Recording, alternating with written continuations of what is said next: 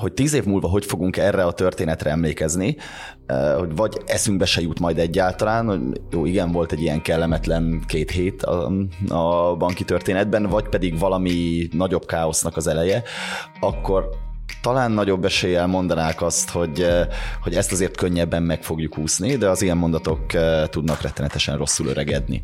A Silicon Valley Bank másfél héttel ezelőtti csődje csak előszele volt annak, ami a hétvégén már Európán belül történt. Svájc egyik legnagyobb bankja, a Credit Suisse bajba került, állami mentővel együtt vásárolta fel riválisa, az UBS. De miért történik mindez? És ami ennél is fontosabb, kell tartanunk attól, hogy megismétlődik a 2008-as válság? A mai adásban minden kérdésre válaszolnak kollégáim. A stúdióban itt van Gyükeri Mercedes és Stolce Viván, a hvg.hu gazdasági újságírói. Sziasztok! Sziasztok, én is köszöntöm a hallgatókat. Sziasztok! Én Nagy Iván László vagyok, ez pedig a Fülke, a hvg.hu közéleti podcastja. Ahogy a bevezetőben is elhangzott, több fontos kérdés van előttünk, és talán az a legfontosabb, hogy van-e köztük összefüggés, de menjünk sorba, és nézzük meg először. Vasárnap este bejelentették, hogy állami segítséggel felvásárolta a svájci UBS a riválisát, a bajba jutott Credit Suisse-t. Mit jelent ez esetben, hogy bajba jutott? Mi történt pontosan Svájcban? Nem egyik napról a másikra történt a bajba jutás, úgymond. A Credit Suisse-ról már hónapok óta, sőt évek óta beszélik azt, hírek vannak erről, oknyomozó újságírók is, is tettek közé erről anyagokat, hogy, hogy úgymond kétes ügyfelekkel bonyolítanak kétes ügyleteket. A kétes ügylet az bizonyos esetben azt is jelenti, hogy olyan ügyletek, amik, amik rontják a banknak a likviditását, vagy a pénzügyi helyzetét, és ez kulminálódott most abban, hogy a legújabb jelentését azt nem tudta leigazolni vagy közzétenni, mert az amerikai tőzsdefelügyelet az újabb adatokat kért be. Itt indult el az utolsó fázisa ennek a úgymond bajnak, és ez már ugye pániknak volt nevezhető. Múlt héten egymás után többször nagyon jelentős mértékben esett a bank árfolyama. Olyan szintig jutottak el, hogy már felmerült a csőd. És akkor itt jött az a közbelépés, hogy ugye a rivális, ahogy említette, tehát hogy, hogy Svájc második és Svájc első legnagyobb bankjáról beszélünk, tehát hogy az UBS az, az úgymond felvásárolta. A segítségehez azért kellett, hogy, hogy megfelelő likviditása maradjon mind a két banknak a fúzió után is.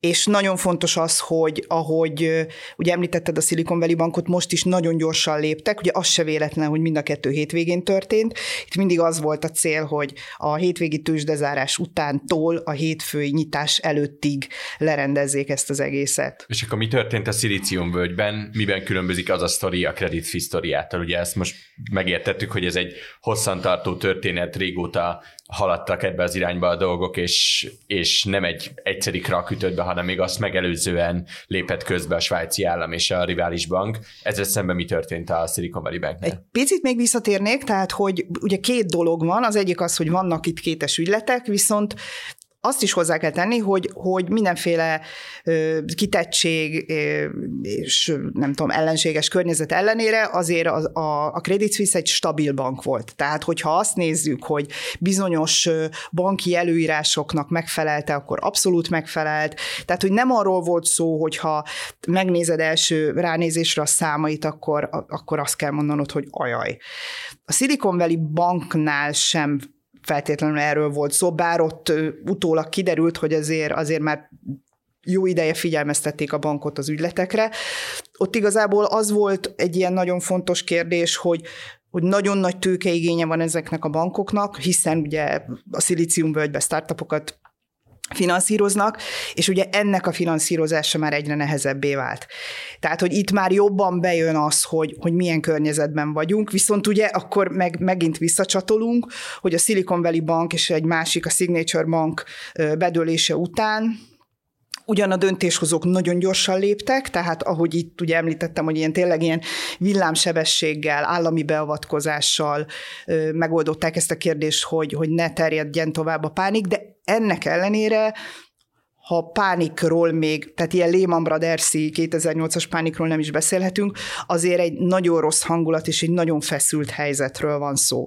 Tehát a Silicon Valley Banknak a bedőlése az ezt a feszültséget olyan szintre erősítette, hogy ez nyilvánvalóan hozzájárult ahhoz, hogy, hogy azok a hírek, amik a Credit Suisse-ről kijöttek a hét elején, azoknak ilyen, ilyen vagy, vagy az, az ilyen hullámokat vert.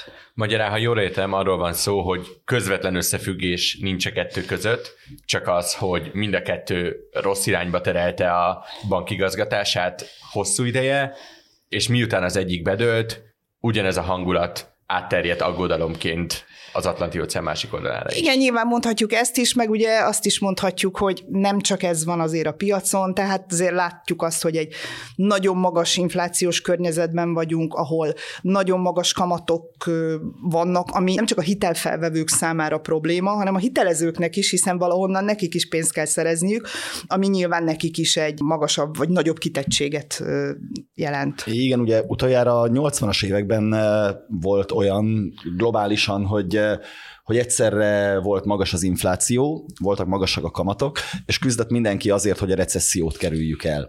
Ez egy pénzügyileg nagyon nehéz helyzet, ami hát alaposan meg tudja rostálni a mezőnyt. Kicsit ez most olyan, akik országúti kerékpárt szoktak nézni, azok fogják érteni, amikor megérkezik a mezőny a első nagyhegy aljába, és ugyan nem veri szét a teljes mezőnyt, de a hátulján azok, akik gyengébbek, azok már leszakadnak. Tehát egy kicsit most így a, a banki mezőny rostálása történik, ami mondjuk az Egyesült Államok 16. legnagyobb bankjánál kellemetlen, de, de túlélhető, a Credit Suisse-nél azért már már zúzós. És azért azt is érdemes itt hozzátenni, hogy itt nem arról beszélünk, hogy egy görög bank dölt be, vagy egy olasz bank dölt be, hanem Svájc, ami, ami ugye nyilván, tehát hogy mi jut eszedbe először Svájcról, az csoki. óra, a, micsoda? Csoki. A csoki, igen, a csoki, a hegyek, az órák és a bankok. Tehát akkor mondjuk azt, hogy a top 5-ben benne van.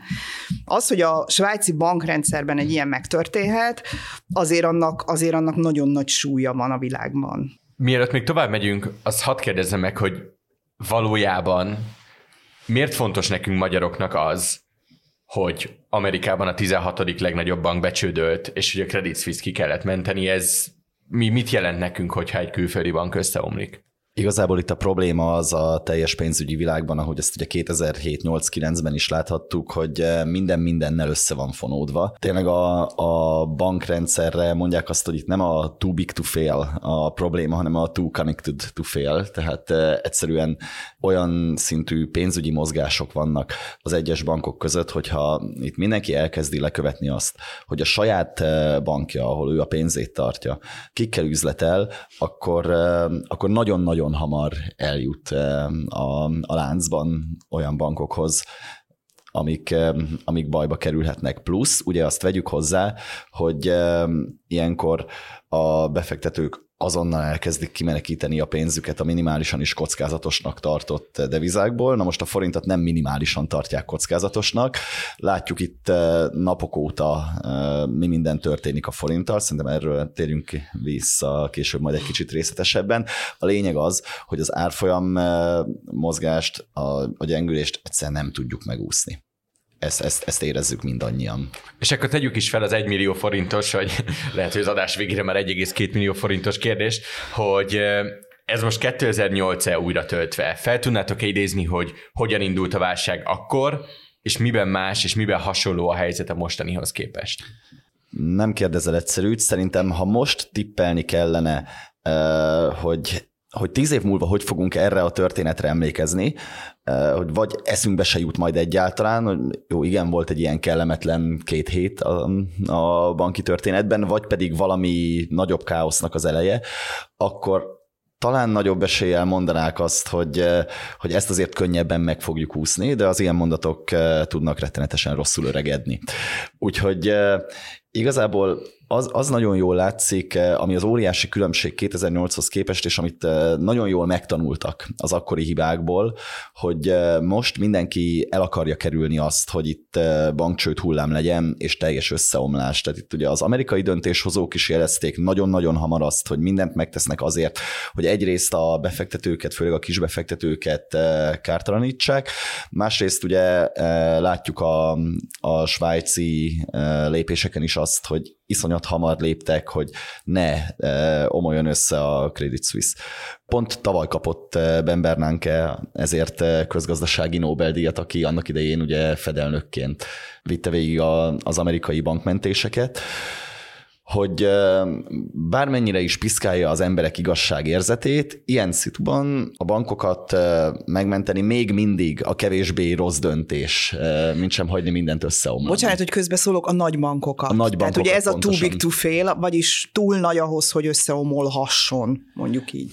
Igen, tehát ugye ezt láttuk 2008 után, az Egyesült Államok azért is jött ki sokkal-sokkal gyorsabban az akkori krízisből, mint Európa, mert ott már 2008-ban elkezdték a bankokat megmenteni, míg itt ugye 2012-ben Mário Draghi kezdte el ezt az egész folyamatot, aminek aztán ugyanaz lett a végkicsengése, csak jó néhány év késéssel. Tehát tényleg itt arról van szó, hogy hogy belátták azt, hogy, hogy sokkal-sokkal nagyobb baj van akkor, hogyha hagyjuk a nagyobb bankokat összeomlani. És ugye azt érdemes még itt fölidézni, konkrétan ugye Bernanke amúgy a Nobel-díját nem is azért kapta, amit 2008 után csinált, hanem azért, amit még jó régen a 70-es években kutatott. Ő ott akkor fiatalon a 29-33-as világválságot elemezte, és arra jutott, hogy ugye addig azt eh, így adottságnak vettük, hogy egy hatalmas nagy eh, bankpánik és bankcsőd hullám volt akkor. És ő azt mutatta ki, hogy igazából, hogyha ott akkor már a, az egész történet elején nagyobb energiákat és sok pénzt tettek volna bele abba, hogy megmentsék a bankokat, akkor az egészet meg lehetett volna úszni néhány kellemetlen tőzsdei héttel. És aztán ennek a tanulságai voltak azok, amiket aztán a, a gyakorlatban is élesen, élesben átültetett, és most úgy néz ki, hogy tényleg ezzel próbálkozik mindenki. 2008 óta ugye eltelt 15 év, és ez a 15 év, ez egyébként egy nagyon tanulságos 15 év volt. Nagy szerencse az, hogy világjárványos vagy, vagy háborús, tehát külső tényezőkre visszavezethető sokszerű válság az ilyen sokáig váratott magára, mert hogy ez az idő az elég volt arra, hogy, hogy a szabályozásokon is módosítsanak. Ugye, ha, ha visszatérünk Európába, tehát hogy azt már említette az Iván, hogy az amerikaiak azok sokkal gyorsabban és rugalmasabban léptek föl, ami nagyjából visszavezethető arra, hogy nyilván a, a Fed bár ugyanúgy egy szövetségi szervezet, annak a tagjai között talán nincs akkora feszültség, mint ami az Európai Unióban, vagy az euróvezetben a norma. Viszont az EU-ban is olyan válsághelyzetek alakultak ki, ugye már említettem a görögöket, elsősorban ugye a görög, akkor a akár az írek, spanyolok, portugálok, és ugye említhetjük a magyarokat is, de ugye ezek közül a válságok közül nem mindegyik volt banki eredetű, de amelyik igen, az, az, az nagyon csúnya hitelezési hullámokat vert, és ez ugye elmondható Magyarországról is. Tehát, hogy itt hiába nem voltak nagy bankcsődök, de a hitelezés az nagyon durván visszaesett. Szóval arra akarok kiukadni, hogy azért az EU-ban is született félig meddig egy bankunióról szóló szabályozás, ami, ami például a mentésnek a mechanizmusát, vagy szanálásnak a mechanizmusát azt, azt teljesen új alapokra helyezte. Vagyis 2008-hoz képest most sokkal kevésbé kell attól tartani, hogy bármilyen, például egy hitelezési sok, mint ami történt 2008-ban, tehát hogy irtózatos mennyiségű bedőlő hitelek és egyéb más pánikjelek, azok válságszerűen tudják bedönteni az európai bankokat, illetve, hogyha mégis bedől egy bank, akkor a mechanizmusnak nagyon fontos része az, hogy az elsőrendű finanszírozói a szanálásnak, azok nem az államok vagy az Európai Unió, hanem a banknak bizonyos tulajdonosai.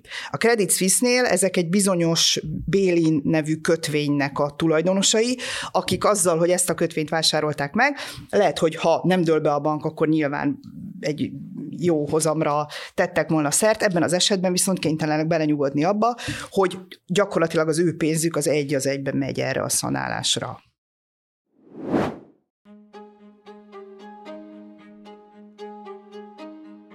Szelektíven gyűjti a hulladékot? Visz magával vászontáskát a boltba? Van, hogy otthon hagyja a kocsit, ha a városba megy?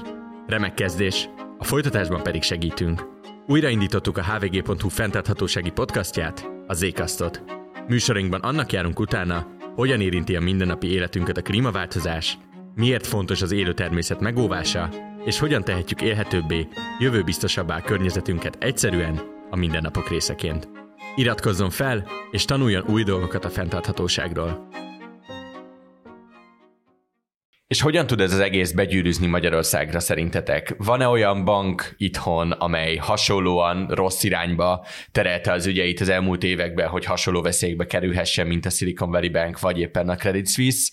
Vagy, vagy úgy fog elérni, vagy úgy érhet el az egész Magyarországra, ahogy részben már el is ért azzal, hogy jelentősen megugrott a forint árfolyama valutákhoz képest az elmúlt hetekben, de napokban pláne. Hát ha a bankokra kérdezel, ez az a kérdés, amire ha lenne is valami tippünk, akkor sem mondhatnánk. Tehát, hogy önmagában most valaki a hvg.hu-t hallgatja, és azt mondja, hogy X bank az, hát igen, igen, nem igazán jól csinálja a dolgokat, tehát, hogy az önmagában olyan piacbefolyásoló lenne, amit, amit nyilván felelősen nem tudnánk felvállalni, de azt gondolom, hogy nem is kell. Tehát, hogy a, a, az uniós szabályozáson túl az, amit az MNB a 2008-as válság után tett Magyarországon, az egy nagyon-nagyon fontos lépés volt. Tehát, hogy itt nem csak arról van szó, hogy a bankok stabilitását erősítik meg, hanem arról is van szó, hogy a hiteles hitelezést azt sokkal szigorúbb szabályokhoz kötik. Tehát, hogy itt nem csak vállalati hitelekről beszélünk. Ugye ez azért egy nehézkes dolog, mert hogy ugye úgy tudod a, a, a gazdaságot pörgetni, hogyha van hitelezés. És itt szó lehet háztartásokról is, meg szó lehet vállalkozásokról is. 2008 után Magyarországon így a földbe állt a hitelezés, és ugye az MNB-nek azt a problémát kellett megoldania, hogy egyrészt induljon be a hitelezés, másrészt pedig stabil legyen a gazdaság és a bankok helyzete is.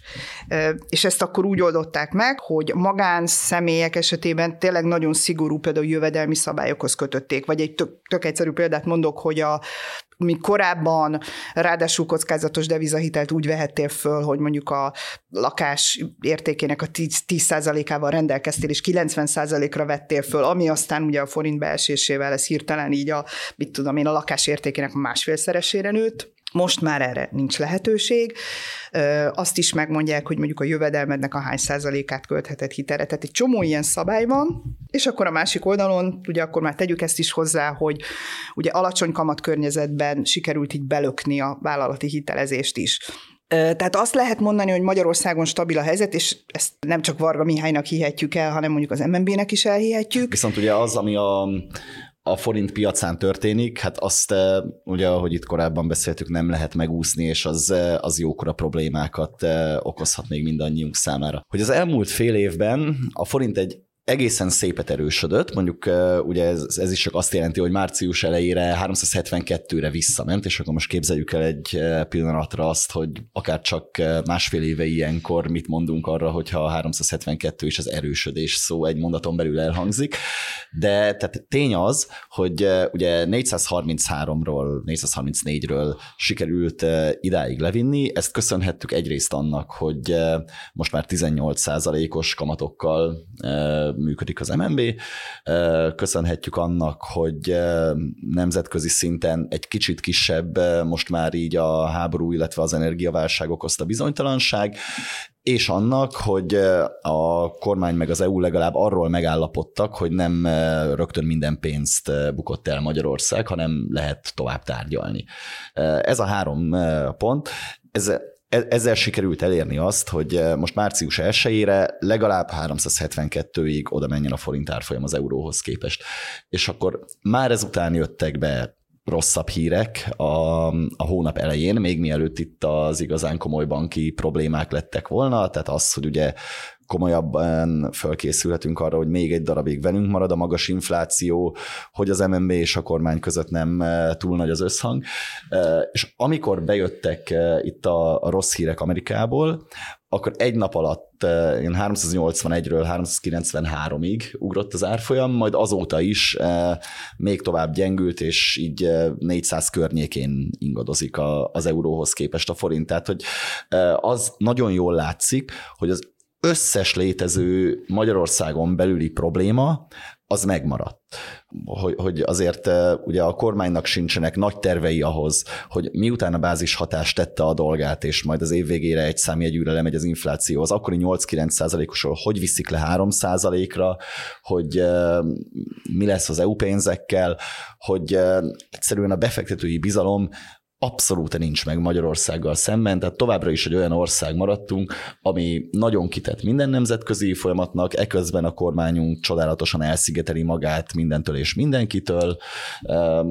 Ugyanezek a problémák, ezek nem tűnnek el egyik pillanatról a másikra, és ez, ez jelentheti a gondot itt. Szerintem a bizalom az most egy ilyen nagyon fontos kult szó ebben az egész történetben. Tehát, hogy amit, el, amit most Iván elmondott a forinttal kapcsolatban, vagy a magyar gazdasággal kapcsolatban, amiről én beszéltem a bankokkal kapcsolatban, tehát látszik az, hogy hiába erősek, vagy hiába lehetnek erősek a gazdasági fundamentumok, tehát, hogy arról sincs szó, hogy mit tudom én, a magyar gazdaság csődbe menne. Ennek ellenére a befektetők nem bíznak például Magyarországban, vagy például ezekben a bankokban. És ezért lesz szerintem ez egy olyan történet, amiről még tíz éve is beszél, vagy tíz év múlva is beszélni fogunk. Tehát ahogy láttuk azt, hogy, hogy 2008-ban a hitelezéssel, a túlfűtött hitelezés, az hogyan, hogyan csapódott aztán le. Most tényleg ezt látjuk, hogy amikor, amikor a, a befektetők kezdenek nem elhinni dolgokat, vagy nem is, talán nem is ez a jó szó, tehát hogy kezdenek bizalmatlanok lenni, akkor az milyen, milyen vihart kelthet. Ugye azt érdemes ehhez hozzátenni, hogy eh, ugye gyakran szoktuk látni azt, hogy amint valami probléma van eh, a világpiacon, a közép-európai pénzek elkezdenek gyengülni. Most ezt leginkább a forint. Főleg a forint. Igen, igen, de most ezt leginkább a forintnál láthatjuk. Tehát március eleje és eh, a mostani időpont között a a lengyel zloty és a román lej gyakorlatilag nem vesztett az értékéből az euróhoz képest. A cseh korona egy kicsit, a forintna az meg nagyon. De akkor tudom, nem adunk senkinek befektetési tanácsot, de ezt azért akkor nektek szegezhetem, hogy most, ha valaki elindul, hogy kimentse az összes pénzét a bankból, és bedugja a bankkártyáját az ATM-be, és kivegyem az egészet készpénzben, erre semmi szükség nincs. Nincs. Egyáltalán nincs. Viszont ugye van egy másik dolog is a bankoknál, hogy nem csak azért járunk a bankba, hogy kivegyük a pénzünket, hanem azért is, hogy például berakjuk a pénzünket, vagy azért is, hogy hitelt vegyünk föl. És nem arról van szó, hogy mondjuk bedől egy bank, hanem például, ha nekem pénzre van szükségem, és hitelt vennék föl, akkor azért ott van az, hogy ezt most nagyon magas, magas kamatokkal tehetem meg. Hogyha emiatt az emberek nem fognak hitelt felvenni, akkor az a bankoknak se tesz jót. Tehát nem azt mondom, hogy be fog dőlni bárki, csak azt mondom, hogy ez, ez a helyzet ilyen magas kamatokkal, ilyen magas inflációval, ami ugye azért érdekes, mert a világ bankjai továbbra is próbálják letörni ezt az inflációt, emiatt kamatot emelnek. Tehát, hogy egy olyan spirálba kerültünk, amit Iván említett, hogy a 80-as években volt utoljára, ami nyilván nem kedvez a bankszférának.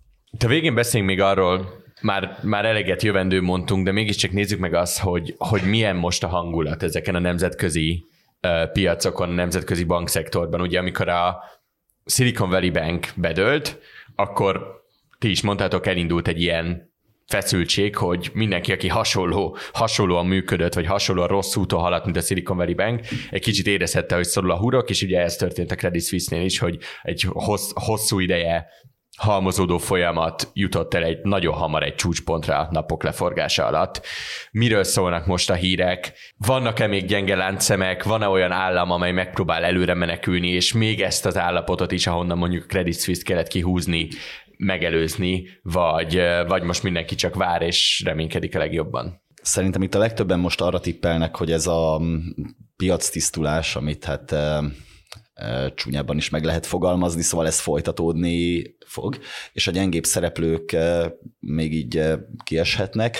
Igazából az a trükkje a dolognak, hogy ezt nem lehet előre megmondani nagyon, hogy, hogy melyik lesz az, ami igazán nagyon bajba kerülhet. Én leginkább most ezt úgy fogalmaznám meg a probléma szintjét, hogy most tartunk ott, hogy a, a befektetők és a tőzsdei emberek naponta két-három kávéval többet isznak meg, mint amennyit egyébként szoktak, de emiatt még újak nem szoknak rá a dohányzásra közülük. Tehát idegesítő, aggasztó a helyzet, de, mm, de nem teljesen biztos az, hogy ez most egy nagyon csúnya láncreakciót beindíthat. A legtöbben, amiket én olvasok elemzésekből, arra tippelnének, hogy lesznek még, amik bedőlnek, de de talán azt meg lehet úszni, hogy ebből egy full összeomlás legyen. Ez ugye nagy kérdés az, hogy a gazdaság, a reál gazdaságra hogyan hathat ez az egész történet. Tehát, hogyha, ugye nagyon érdekes volt, hogy amikor már elkezdett így nagyon akuttá válni a Credit Suisse problémája, akkor volt az Európai Központi Banknak az aktuális kamadöntő ülése, és tartották magukat az eredeti menetrendhez, és 50 bázispontos emelést hajtottak végre. Vagyis ugye, amit az előbb említettem, hogy magasok a kamatok, ezek most akkor egy picit még magasabbak lettek, és akkor mondhatná azt az ember, hogy bolondok? És akkor erre ugye az az érv, hogy valószínűleg ez a kisebbik rossz volt, mert a nagyobbik rossz az az lett volna, hogyha eltérnek a menetrendtől, mert akkor összezavarták volna a piacot. Na ezzel csak azt akarom jelezni, hogy láthatóan nagyon szűk kényszerpályán mozog mindenki, tehát legyen szó jegybankokról, legyen szó bankokról, általában ugye a kormányokról. Tehát, hogy az a feszültség, amit mi, amit mi Magyarországon látunk a kormány és a jegybank között, az igazából ennek egy ilyen extrém lecsapódása nem a bankszférában, hanem azon kívül máshol is. Tehát, hogy nem csak az az érdekes, hogy a bankszférában most mi fog történni, hanem az, hogy a gazdaságban mi fog történni. És hogy például az, hogy, hogy a recesszió, ami, ami most már, most már tulajdonképpen legyintettünk rá az elmúlt hetekben azzal, hogy jó, oké, hát akkor nem volt igazából tél, ezért aztán az energiárak azért úgy lejjebb mentek, tehát hogy az, amitől tartottunk, hogy nagyon kemény évvel előttünk, hát talán mégse, tehát hogy az a fázis ennek az egész történetnek, ami mondjuk már nem tudom mióta zajlik, már nem is tudom, hogy 2020-ig datálunk vissza, vagy a háború kezdetéig, tehát hogy mennyire, mennyire tudunk hátradőlni igen, itt az egyik fő dilemma az, hogy ugye hogy úszod meg a recessziót, fölpörgeted a gazdaságot, alacsonyan kín- alacsony kamattal kínálod a hiteleket. Úgy tudod felpörgetni a gazdaságot. Igen, és igen. segítesz az embereknek ahhoz, hogy tudjanak miből pénzt költeni. Mindez ugye mit okoz? Inflációt. Hogy töröd le az inflációt? Pontosan ugyanennek az ellenkezőjével. Tehát egy elképesztő nagy dilemma van egyrészt, másrészt meg ugye ellentét a, a kormányok és a jegybankok között, amit te most itt említettél. Jó, hát akkor reméljük, hogy nem ülünk itt pár hét vagy hónap múlva, és készítünk adást a bank előtti sorban álláshoz az utolsó ATM-eknél. Mindenesetre köszönöm szépen, hogy itt voltatok, a hallgatóinknak pedig köszönjük a figyelmet. A fülke hamarosan folytatódik, iratkozzanak fel a hvg.hu podcast csatornájára, és kapcsolják be az értesítéseket, hogy ne maradjanak le a Zcast és az Elvitere adásairól sem. Én Nagy László vagyok, viszont hallásra!